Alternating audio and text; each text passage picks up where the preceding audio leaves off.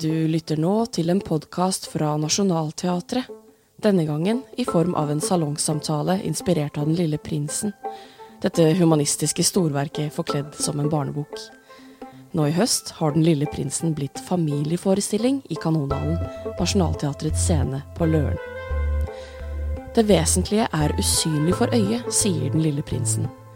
Har vi voksne mistet kontakten med barnet i oss selv? Og hva kan den lille lære den store? Salongsamtalen ledes av journalist og forfatter Linn Stalsberg. God fornøyelse. Vær så snill, lag en sau til meg. Hæ? Lag en sau til meg. Men hva gjør du her? Hva er den dingsen der? Det er ingen dings. Den kan sveve i lufta. Det er et fly. Det er flyet mitt. Hva? Har du ramla ned fra himmelen? Ja. Så du kommer fra himmelen, du òg. Hvilken planet er du fra? Så du kommer fra en annen planet? Du kan ikke ha kommet så langt i det der. Hvor er du fra? Hvor bor du? Vær så snill, lag en sau til meg. Jeg kan ikke lage sauer. Det gjør ikke noe. Lag en sau til meg. Tusen takk til regissør Kjersti Haugen, som setter opp eh, stykket 'Den lille prinsen' neste uke. Det er den boka og det stykket vi skal snakke om her i dag. Velkommen til dere som har kommet mens det fremdeles er mørkt ute, for å få en eksistensiell oppvåkning. Og kanskje finne ut av meningen med livet før klokka er ni. Vi eh, skal gå fra sau til de store spørsmålene i løpet av den neste timen i dette vakre rommet som jo innbyr til nettopp dette. Det er bare å se opp i taket eller se bort i juletreet eller på alt gullet, og så kommer man nærmere de, de, vakre og fine tingene. Kanskje før vi har begynt samtalen, til og med. Vi skal snakke om en av verdens mest leste oversatte bøker, 'Den lille prinsen', av den franske flyveren, aristokraten og forfatteren Antoine de Saint-Exupéry, som ble skrevet i 1943. Boken kalles gjerne et humanistisk storverk, forkledd som en barnebok, men den forkledningen er jo bare halvveis vellykket, fordi vi voksne lesere skjønner ganske fort at det foregår mye mer her, eh, på bokens ganske få sider, enn man først tror. Det som skjer her i dag, er et møte mellom den voksnes og barnets verden, akkurat som boken selv er, og kanskje akkurat som vi mennesker er inni oss, hver og en. Vi får se hvor denne samtalen tar oss. Um, og med det, eh, velkommen til eh, panelet. Kaja Melsom i midten, filosof og forfatter. Nærmest meg, Ylva Østby, forfatter også, og nevropsykolog fra Universitetet i Oslo. Og også da Kjersti Haugen, som regisserer dette stykket, som har premiere om en uke. Eh, og det er jo sånn at Mange av oss leste denne boka da vi var barn, og så har vi kanskje ikke lest den siden. Eh, så tror vi vi vet hva den handler om, men kanskje vi ikke husker helt. Så Kjersti, bare helt først, helt beskrivende, hva handler 'Den lille prinsen' om? Ja, sånn deskriptivt, da. Jeg slo opp det ordet og fant ut at det var litt sånn tørt og uten ja. Nå skal jeg gjøre en deskriptiv beskrivelse. Jeg-personen i boka er flyger, på samme måte som forfatteren. Han eh, flyr over ørkenen og får motorproblemer og nødlandet. 1000 mil fra folk uten noe særlig med vann. Og mens han driver og reparerer motoren sin, så dukker det opp en liten fyr som ber han om å tegne en sau. Denne piloten har ikke tegna siden han var seks år. Da prøvde han seg og ble misforstått av de voksne. Så han sier det kan jeg ikke. Men prinsen eh, insisterer. Og etter hvert så tegner han og ende opp med å tegne en firkant på en papirlapp og si 'dette er en kasse, den sauen du ønsker deg, er inni den kassen'. Da er prinsen veldig fornøyd. Han vil ta med seg denne sauen hjem til planeten sin uh, for å beite ugras, men han er veldig opptatt av om sauer spiser blomster eller ikke. For han har nemlig en rose på denne planeten som er veldig spesiell. Og det var i si tid uh, problemer i relasjonen til denne rosen som gjorde at prinsen forlot planeten sin og dro ut på eh, reise. Og han har vært på en lang reise innen han kommer til ørkenen og har møtt masse forskjellige merkverdige voksne på forskjellige planeter. En konge, en forretningsmann, en forfengelig fyr. Eh, flere voksne som driver med ting som prinsen syns er rart. Eh, opptatt av å herske, opptatt av å eie stjernene, skrive tallet deres på en lapp og putte dem i banken. Um, ja, være opptatt av å bli beundra osv. Flere merkverdige voksne på planeter én og én inntil han havner på jorda, møter en rosehage og blir dypt bedrøva fordi hans egen blomst viser seg å være en helt alminnelig rose. Men så møter han en rev som trygler om å bli temt.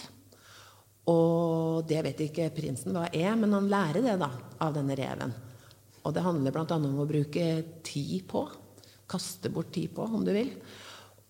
Og etter hvert som reven blir temt, så skjønner prinsen at rosen min har temt meg. Og det er vel derfor han vil dra tilbake, da. Så når piloten møter han i ørkenen, så er han altså på vei hjem. Og piloten klarer ikke å reparere motoren, han går tom for vann.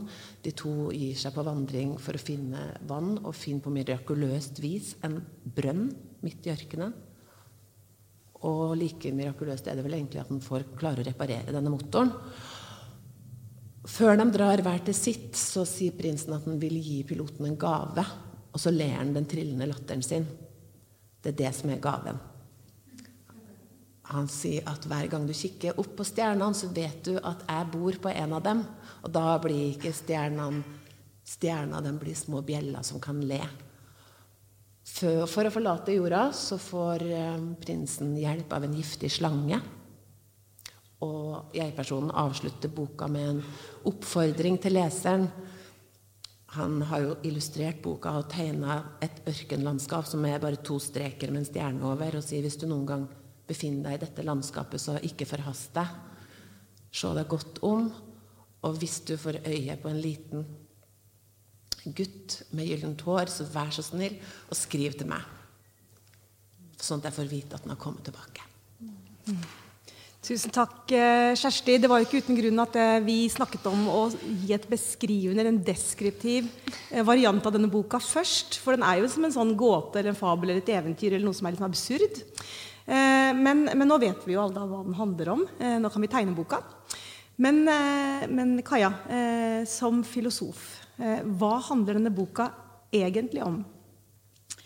Eh, jeg leser det sånn at den handler om menneskets sårbarhet. Om egentlig dypt alvorlige temaer som savn, eh, dødsangst og ensomhet.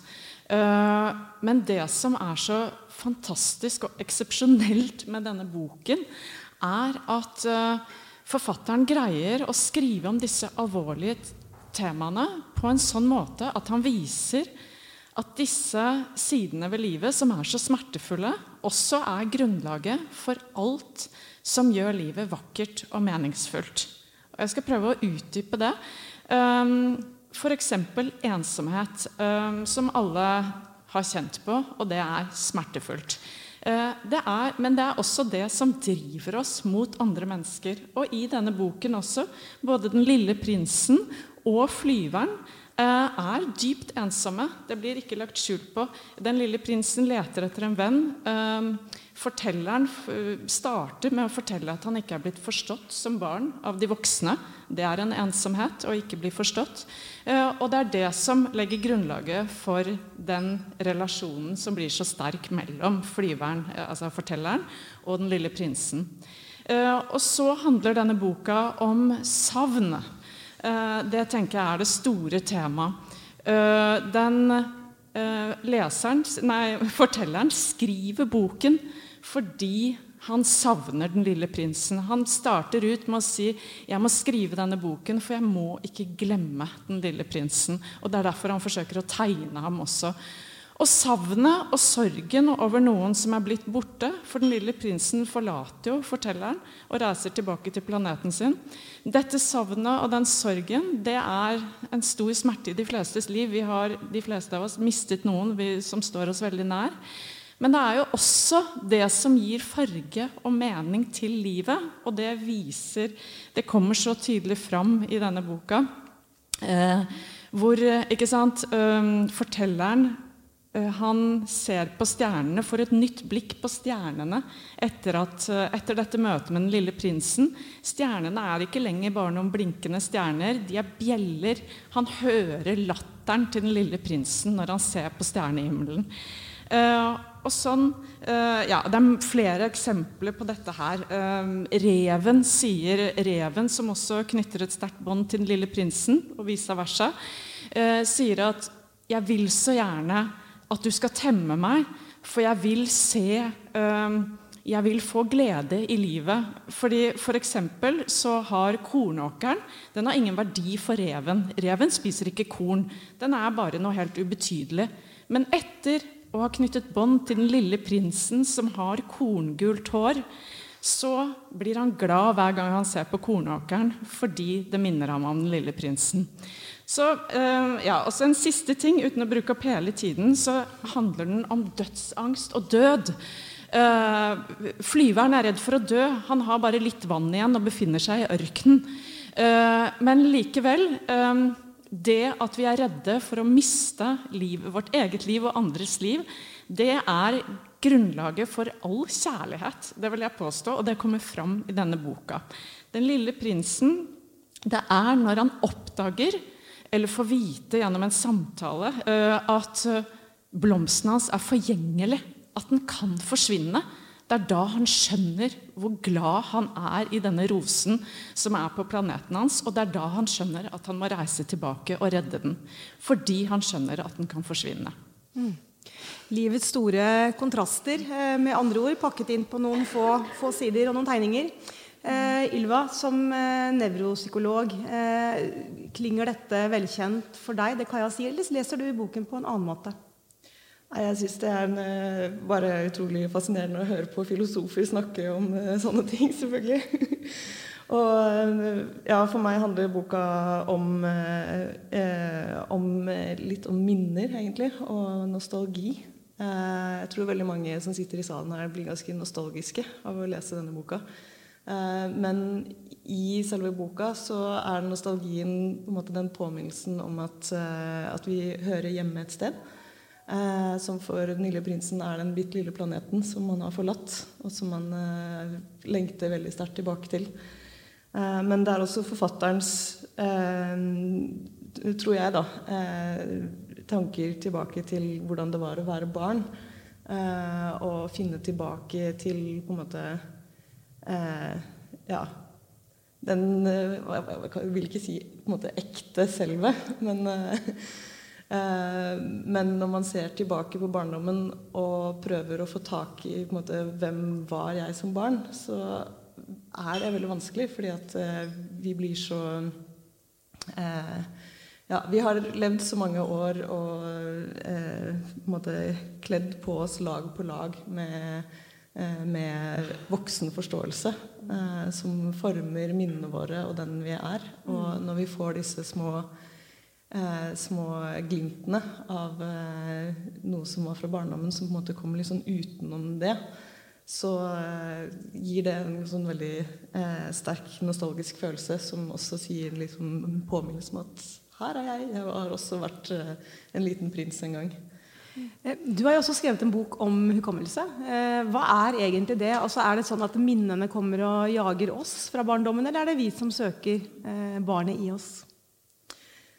Det er jo, det er jo altså Forskningen viser at barndomsminnene våre jo, står ganske sterkt i hukommelsen vår.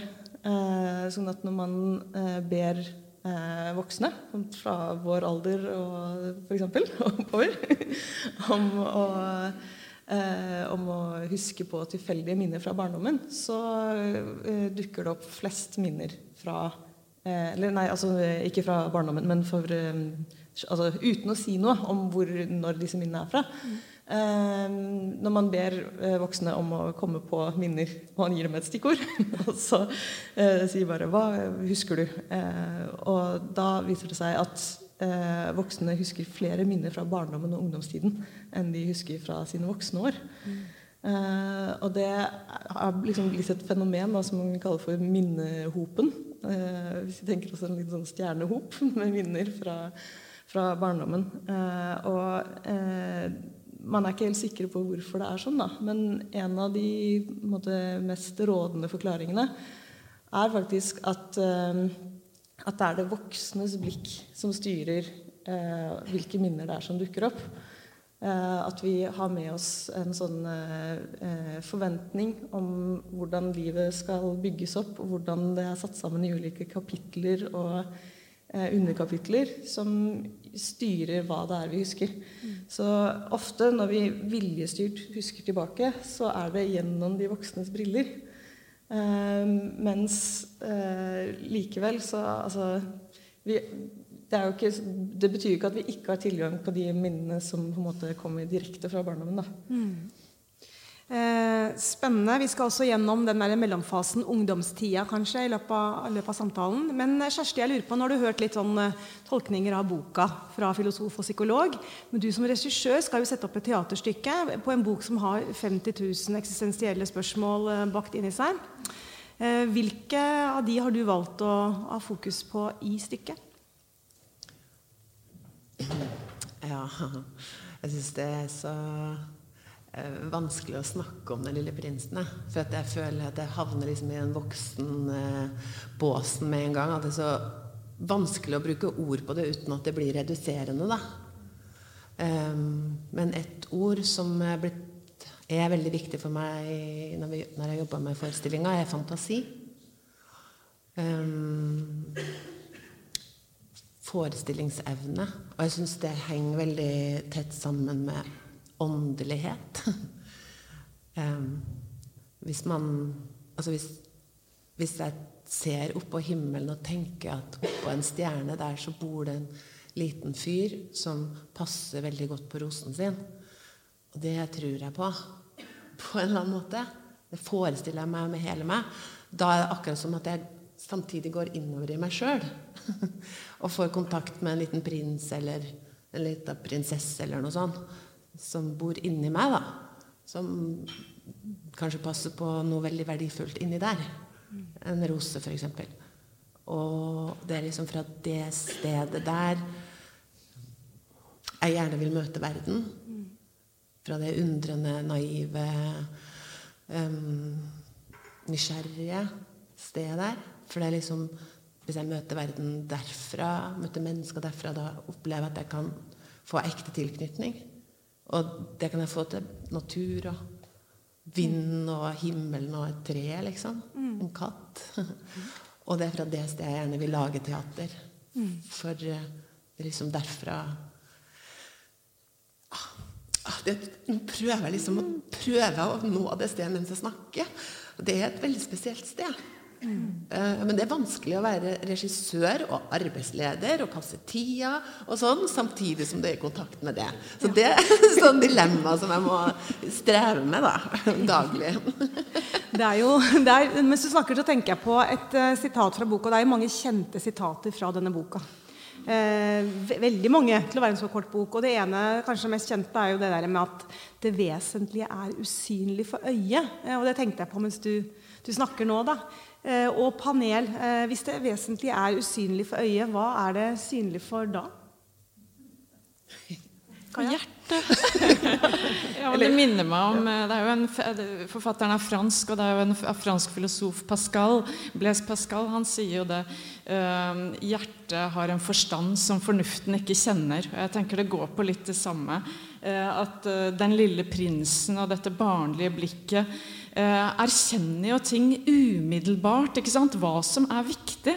Og det er jo det som kanskje går tapt jo eldre vi blir. At vi glemmer det som barn kjenner jo umiddelbart. Eh, jeg vil eh, at vi skal være sammen, at vi skal spille, at vi skal se hverandre i øynene, at vi skal ha det gøy og være glad. Mens vi voksne, og det er jo de voksne i denne boka òg, de er så uh, instrumentelt orientert. At vi hele tiden skal være effektive, vi har to, do-lister, og vi blir opptatt av å telle ting.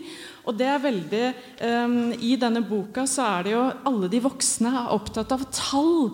Uh, og for, uh, for, å forklare noe til voksne, så må man si hvilke nummer det har, eller hvor mange. Og hvis man, uh, de voksne lurer på noe, hvordan du har det på skolen eller barnehagen, så spør de hvor mange venner har du?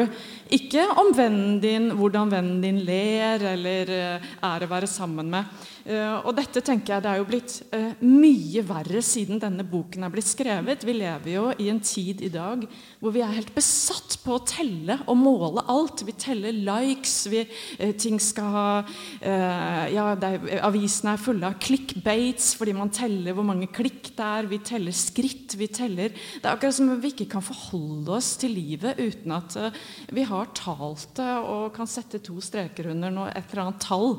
Så det er veldig relevant relevant, da, i eh, relevant samfunnskritikk. Mm. Ylva, har du noen tanker om det samme sitatet? Ja, altså Nå er jeg jo mest opptatt av hjernen, da, og hjertet. Nettopp. så, så, nei, så eh, forestillingsevnen er jo, eh, er jo kjernen i veldig mye av det hjernen vår driver med, faktisk. Eh, også det å huske er jo noe som er en eh, i, Som hjernen vår gjør i tospann med eh, forestillingsevnen vår. Eh, så det du sa Kjersti, om forestillingsevnen i den boka, er jo det Det treffer meg også veldig, da.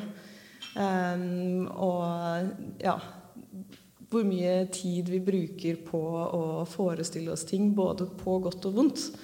Uh, og for å komme litt tilbake til det som Kaja snakket om, hvordan vi er veldig opptatt, ja, vi er veldig opptatt av tall og effektivitet. Og, og i den forbindelse så virker det som om samfunnet ser litt negativt på eh, forestillingsevne som noe som er bortkastet. Og det er jo noe boka handler om, at vi skal bruke bortkastet tid. Eh, fordi det gir oss noe som er usynlig for øyet. Mm. Um, og forestillingsevnen vår får jo skylden for veldig mye galt også. F.eks. Eh, at vi eh, Altså mange forveksler forestillingsevne med grubling, f.eks.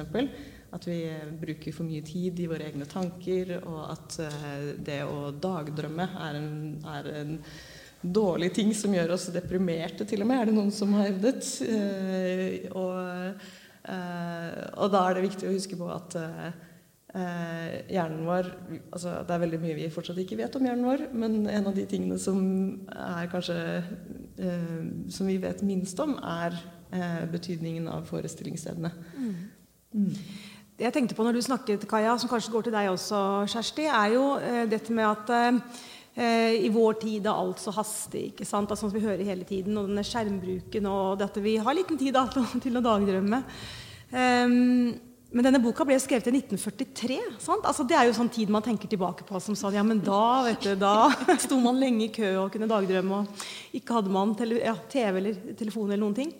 Eh, men er det likevel en innbakt samfunnskritikk i den boka som, som, er litt utenfor tid og sted? Eller er den Hvordan plasserer man den i en sånn historisk kontekst som en, som en kritikk? Nei, det var et veldig voksen spørsmål. um, det var jo krig når uh, Antoine Exupéry skrev den boka. Og han dedikerer, eller dediserer Hva heter det egentlig? Dedisere. Dedisere, ja. Boka til en venn, Leon Berth, som var jødisk og forfatter også. Som levde i skjul på det tidspunktet og var sulten, og som frøys.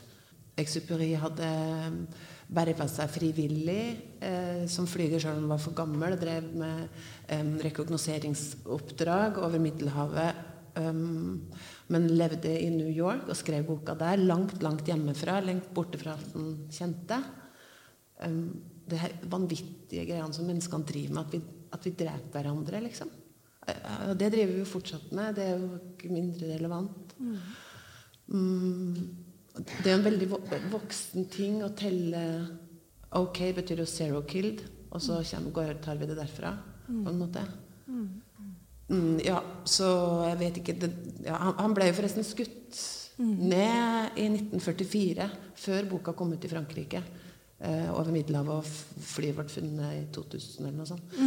Men, eh, men eh, ja, så jeg tenker det, det var jo da. Det var liksom samfunnsmessige bakteppet den gangen det ble skrevet.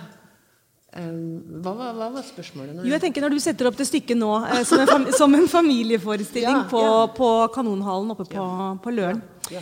hva, så, så har jo du en, et publikum da, eh, fullt av unger og, og eldre som er vant til uh, mye input fra ulike skjermer Ja. hele tiden. Oh, ja. mm. kan de eh, ta med seg et eller annet fra det stykket ditt som står i kontrast til det? Vet du hva? Jeg, jeg driver og leser denne boka 'Ekko' av Lena Lindgren. Og hun beskriver jo eh, Det er et essay om teknologi, egentlig. Og, så, og så tenkte jeg at vi er jo søren meg der oppe på Kanonhallen del av en mot, motstandskamp. For hør her. Hun eh, siterer en som heter James Williams, som slutta eh, i Google-kompaniet fordi han ville studere filosofi. og han følte seg dypt distrahert, gjorde han. Eh, og han hevder at medieteknologien gradvis tar fra oss alt lys. Han skriver om teknologiens virkning på sansene, hjernen og samfunnet.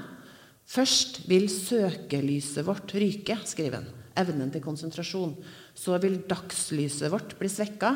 Evnen til å se klart og lyse opp samfunnsmessige beslutninger. Og til slutt vil stjernelyset forsvinne. Det lyset vi ser opp mot for å finne håp og retning, og som kan gi livet mening. Så han her, James Williams da han slutta i Google for å finne igjen oppmerksomhetens lys. Og det er en motstandsbevegelse på gang, og vi er en del av den, altså. Vi skal peke på stjernene og gi mennesker på, mer håp. begynner på Løren. Linje Ja, men jeg mener det. Ja. Eh, Kaja, eh, det var du som var inne på dette med, med klikk og det jaget etter, etter ja, i skjermene, da. Etter oss, egentlig. Leste du den boka annerledes nå enn da du leste den for ja, da du selv var ung? da? I lys av den tida vi lever i? Absolutt. Eh, Jeg kan bare spole tilbake. Du sa den er skrevet i 1943, men eh, vi tenker jo at da var alt idyll. Eh, Men altså, man har drevet med modernitetskritikk eh, så lenge det har eksistert mennesker, tror jeg. Men, men i hvert fall siden industrialiseringen da, så har man jo kritisert at ting går for fort, og at vi er distraherte og opptatt av feil ting. Eh, Men jeg syns det ble veldig jeg, jeg satt veldig og tenkte på dagens mennesker da jeg leste denne boka, fordi eh, kjernebudskapet, hvis man skal påstå at det finnes noe sånt i den, så, så må vel det være at eh, vi alle trenger eh, nære relasjoner. Det er det som gir farge og mening til livet. Eh, og det får vi eh, på én måte, og det er ved å bruke tid på hverandre. Det er sånn eh, eh, Når reven skal forklare den lille prinsen hvordan eh, han skal bli temt, eh, eller hvordan han skal temmes, så er det at han må komme hver eneste dag, og hver dag så må han sette seg litt nærmere. Så vi må bruke tid på hverandre. Eh, og det gjør vi jo eh, dessverre i mindre og mindre grad. Vi sitter sammen eh, med familien i stua og ser ned i hver vår skjerm. Og når vi går på fest en sjelden gang for å møte andre mennesker og komme i kontakt med dem, så er veldig mange mer opptatt av å ta selfie med de riktige menneskene for å vise de som ikke er der, at de har det veldig gøy. I stedet for å snakke med de menneskene som er på festen, og komme i kontakt med dem. Så sånn sett så så trenger vi å få banket inn det budskapet som jeg i hvert fall leser i denne boken. At vi må, vi må se hverandre inn i øynene mer, og kanskje se opp fra, fra mobilen. Det der budskapet i boka med den ene rosa på den planeten som han er så glad i, eh, og så oppdager han at han er jo ikke noe spesielt når han ser en rosehage på en annen planet, det var for meg sånn internett i et nøtteskall. Liksom. Du syns du ser en fin veske i butikken, og så finner du ti andre som er enda finere, og ti nye, ti nye. Eh, eller Tinder, ikke sant? som er sånn skrekkeksempelet på, på den rosa du, du fort forkasta når du fant fant en hel hage der inne. Hvor det stadig vokste nye. Eh, Ylva? Kommentar? Ja, altså når, dere, når, jeg hørte dere snakke nå, så tenkte jeg selvfølgelig også på det Det er et lite kapittel i boka om, eh, en, eh, om den forfengelige personen som bor på sin egen planet, og hans eneste mål her i livet er å bli beundret av andre. Uh, og det, jo, det, passer jo rett inn i Lena Lindgren sitt essay også, vil jeg tro. Og det vi snakket om, om likes og teknologi, da, og at hele samfunnet vårt blir veldig selvopptatt og forfengelig eh, når vi er så opptatt av eh, ja, nettopp de selfiene og likesene osv. Så, videre. så Så det er veldig spot on. Og det er jo, det er jo heller ikke på en måte noe nytt. da, Og det viser jo kanskje å lese denne boka i det perspektivet at eh, ja, det er, ikke, det er, ikke, noe nytt at vi er opptatt av telling og likes, kanskje. Men eh, Eh, det bare har blitt så mye mer av det nå, mm. og mye lettere tilgjengelig. For hjernen vår er jo på en måte altså Ikke pga. mobiltelefoner, men pga. måten vi har overlevd på gjennom evolusjon. Opptatt av, eh, av de ytre stimuli og de ytre belønningene. Mm. Eh, og når da moderne teknologi hekter seg på det systemet i hjernen vår, så blir det veldig veldig potent. da. Det skal være sikkert og visst. Men for at vi ikke skal høres ut som en sånn gjeng dinosaurer, altså er, det ikke, er, det ikke, også noe som er litt sånn fint, fint med den nye teknologien? Altså for så tegner jo han forfatteren 'Den lille prinsen' for at han ikke skal glemme han, Han savner han, sant? Eh, og det er noe som er litt fint òg med sosiale medier, at du får jo kontakt med de du savner. ikke sant? En venn på andre siden av jorda, et familiemedlem et annet sted i Norge, er jo plutselig bare der. Og det er jo noe sånn er, det også, er det ikke også litt fint at man kan jo også kan man ikke det, komme nær folk via disse skjermene? Absolutt. Uh, men jeg, jeg, tenker at denne boka også er en slags påminnelse på at uh, det, det, meste vi mennesker eh, driver med, kan jo være fint. Men det kan fort liksom spore av. Da. Og det er det jeg tenker alle disse voksne som den lille prinsen møter har på en måte mista målet av syne. De, er, de, de, driver kun med middelet. De samler på penger for å tjene mer penger. for å tjene mer penger, Men hva skal de bruke pengene på? Eh, og de teller og teller og teller. Men hva, eh, hvilken glede skal alt de teller uh, og eier gi? og skal, han møter en konge på en planet som er veldig opptatt av å ha makt og ha undersåtter. Men om makt kan være fint, det. Hvis man bruker det til noe bra. Men det er bare det at disse menneskene, eh, disse voksne, som kanskje er et bilde på det moderne mennesket òg, vi har på en måte mistet målet av syne. Eh, og sånn sett, For å gå tilbake til sosiale medier, så tror jeg absolutt at det kan brukes til masse positivt og, og gi oss masse positivt. Men vi må på en måte da må vi hele tiden huske ja, vi er der for å komme i kontakt med folk, for å komme i dypere kontakt med folk vi ellers ikke ville hatt kontakt med.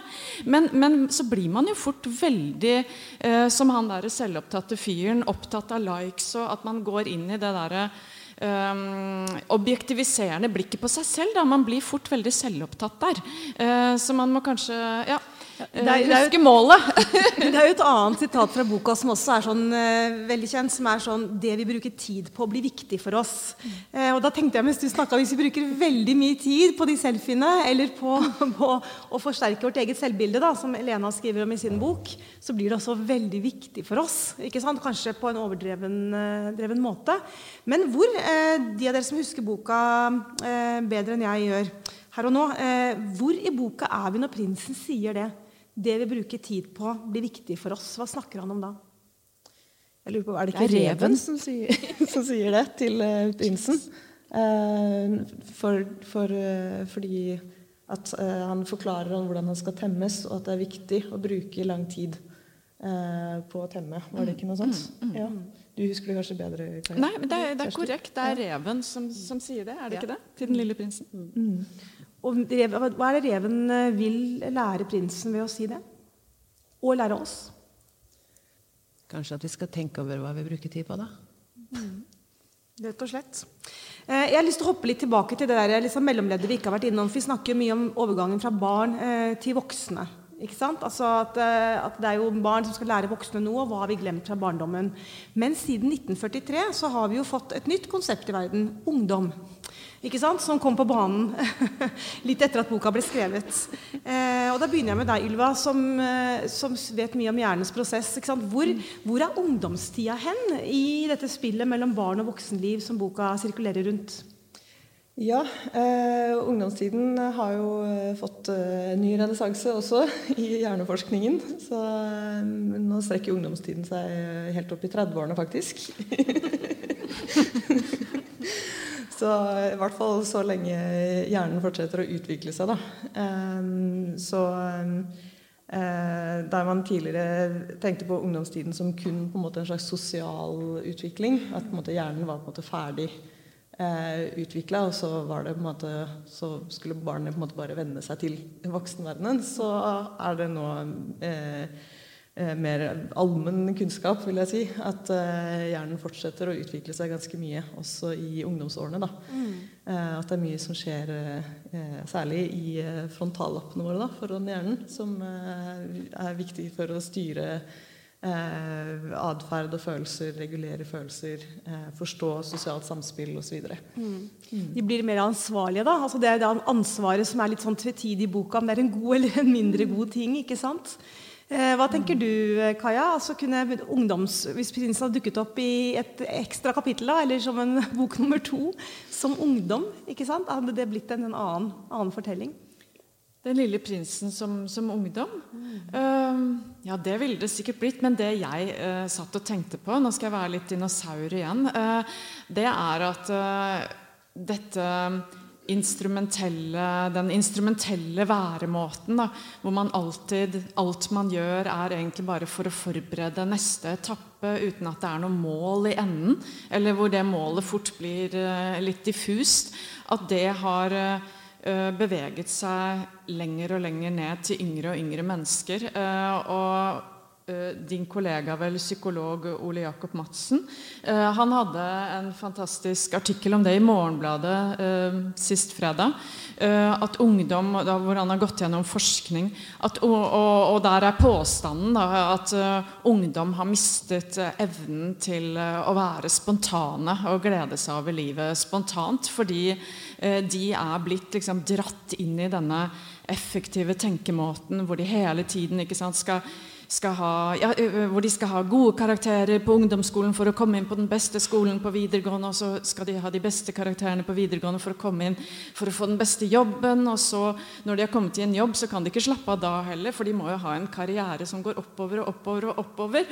Og sånn holder vi på hele livet og er andpustne. Og så kan man lure på men, men når skal vi sette oss ned og glede oss over dette livet? Og at det er kommet Jeg syns han skrev at syvendeklassinger, det er altså fortsatt på barneskolen, ser på medelever som konkurrenter. Uh, så, så, jeg leste Ja. Um, så det er mulig at samfunnskritikken ville vært uh, til stede i den boken hvor den lille prinsen er ungdom også. Mm. Det vil jeg tro. Ja, for Det er jo en sånn der, liksom, litt sånn sårhet i boka om et sånn tap av en barndom. ikke sant? Og jeg tenkte på, Mens jeg leste den, så tenkte jeg også på Vigdis Hjort sin nye bok '15 år'. Som jo også handler om nettopp den, der, litt sånn, den såre oppvåkningen du kan få i ungdomstida. da, Hvor du plutselig ser hjemmet ditt, moren og faren din oppveksten din med et helt nytt blikk. Et, kanskje et realistisk blikk. da. Eh, du ser bak den fasaden som har vært der. ikke sant? Bak den tryggheten du tok for gitt. Og Det er jo sånn, det er jo nesten litt uunngåelig, er det ikke det? At eh, Selv om han voksne piloten i fortellingen savner jo dette barnlige eh, livet og fantasien, men det er, det, det er, jo ikke mulig å gå gjennom livet heller og være, være åtte år eller ni år hele tiden. Altså er det, ikke en sånn, uh, altså det er en realisme som trer inn da, i våre alles liv. Er det ikke det? Jeg tror nok det, ja. Men uh, um, jeg syns at det, for meg så handler jo boka veldig om å være i kontakt med det indre barnet. da. At, og at det kanskje blir stengt inne tidligere nå. At det er det som er et problem. At man blir tidligere fanga av det som kalles voksenhet i, i boka. Mm. For han hadde, i den de, dediseringa så, så, så, sier han jo altså at han vil skrive boka Eller dedikere den til Leon Werth den gangen han var barn. For han har ikke tillit til at de voksne forstår. Han beklager for, til barna at han dedikerer den til en voksen. Mm, og jeg tenker at det, det, har, vært, det har vært, en um, utfordring, syns jeg. Har jeg som voksent menneske lov til å lage teater av denne boka? For barn. Og familie, da. Og der er ungdommene en del. Mm, ja. Og så har vi jo en sånn sjangerspesifikk karaktertype i teatret som heter klovn. Og klovnen kjennetegnes ved at den er naiv og åpen og nysgjerrig som et barn, men har en voksens erfaring. Så jeg tenkte kanskje klovner har lov til å fortelle denne historien. Fordi de står med en fot i barndom og en fot i ungdom og en fot i voksen tid. Liksom de har alle, kontakt med alle samtidig, uten at uh, barndommen på en måte blir fortrengt, eller den barnlige tilnærminga, det barnlige blikket på verden, mm. blir fortrengt. Samtidig som klovnen er noen vi ler av, da? Eh. Det er det jo gjerne, ja. Mm. Fordi vi ler når vi gjenkjenner sårbarhet. Mm.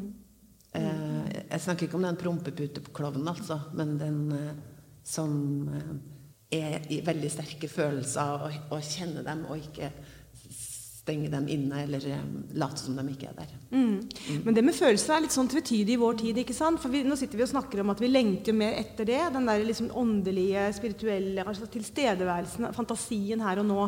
Samtidig får man jo ofte høre sånn hvis man deltar i debatter at man er for emosjonell. Det er for mye følelser. Vi må liksom bruke logikk. ikke sant? Eh, hvor, hvor, er vi egentlig? Altså, er det for mye følelser i spill i, i vår tid, eller er det for lite? Eller hvor, eh, hvor skal vi ta med oss dette budskapet videre? Ja, Ylva, du lente deg diskré frem. Ja. ja, altså Følelser får jo skylda for mye, for mye som er galt, uh, ofte.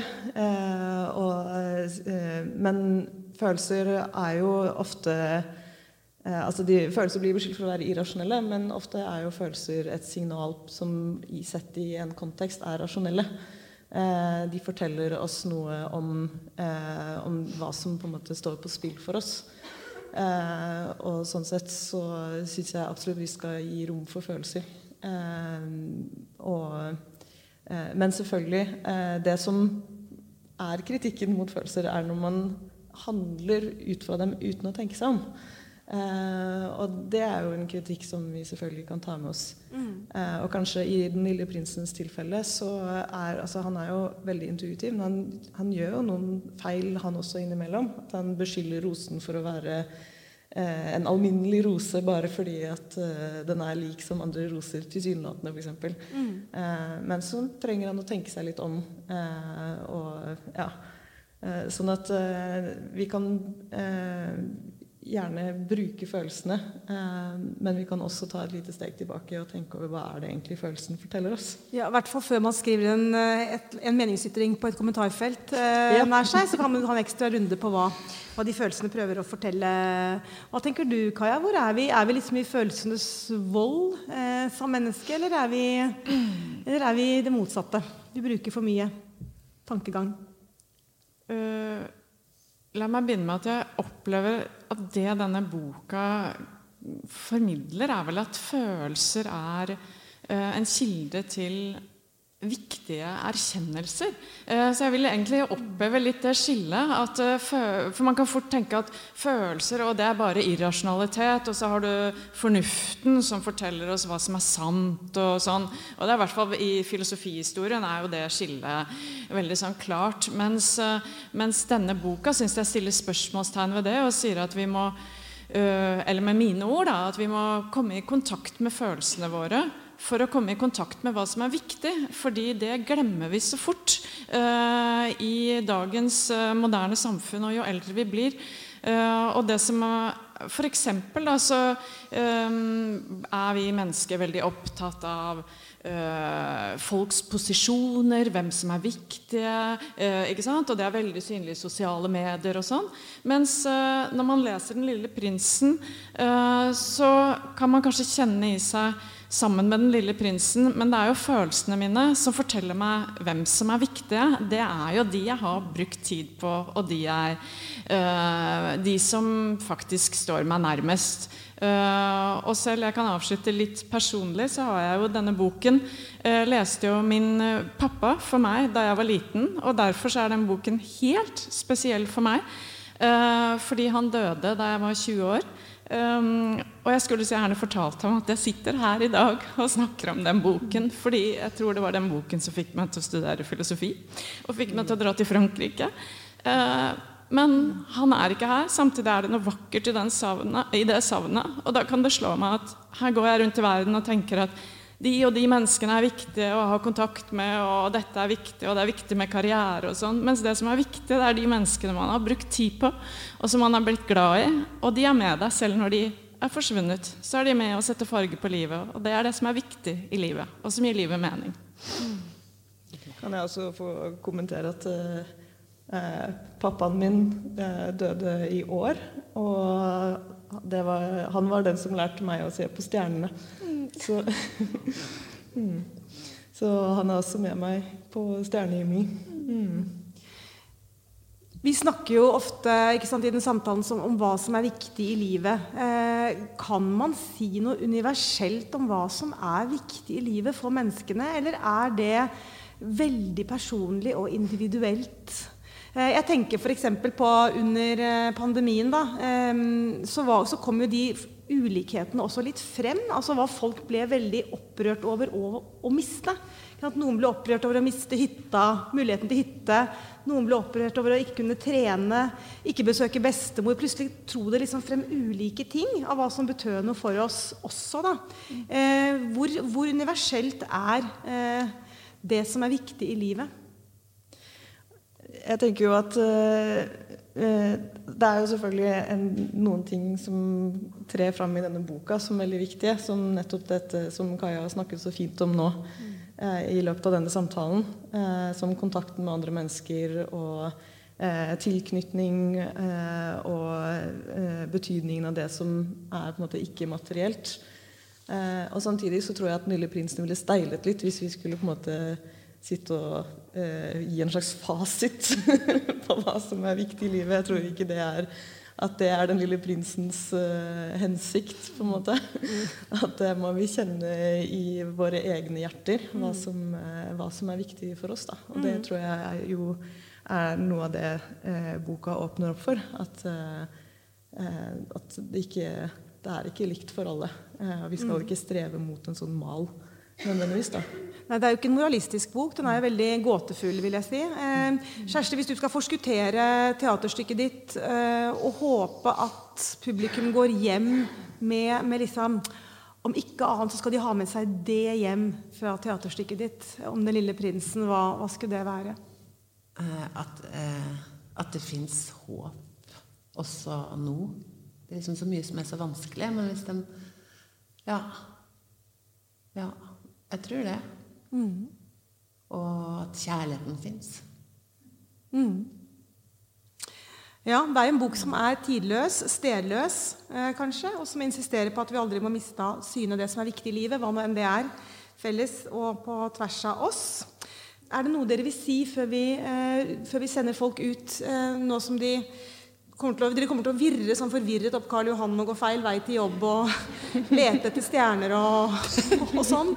Eh, men før vi sender de ut på denne merkelige ferden i dette rare, denne rare verdenen, er det noe dere vil, dere vil avslutte med? Nei? Jo. jo. Ja, Kjersti? Ja. Når eh, prinsen nærmer seg jorda, da, og ser ned på den så um, har vi putta inn en replikk eh, som egentlig er fra Antoine Saint-Exupéry sin bok som heter 'Sand, vind og stjerner'. Og der han ser ned på alle lysene på jorda. Sånn som når du er i fly ikke sant, og flyr over Oslo, og så sier han at hvert lys på jorda er et menneske som kanskje kan bli en venn. Mm. Dere var veldig fine. Tenkte, det var så fint å slutte med at jeg tror vi, jeg tror vi runder, uh, runder, av der. Ja. Eh, tusen takk til panelet, Ylva Østby, Kaja Mels som Kjersti Haugen. Eh, og takk til Nationaltheatret, og takk til UiO Livsvitenskap, Universitetet i Oslo, som også er medarrangør på dette møtet. Og Eh, hvis, eh, hvis, alt går som det skal, så blir dette en podkast som dere kan eh, dele med, dele med de som ikke var her i dag. Tusen takk.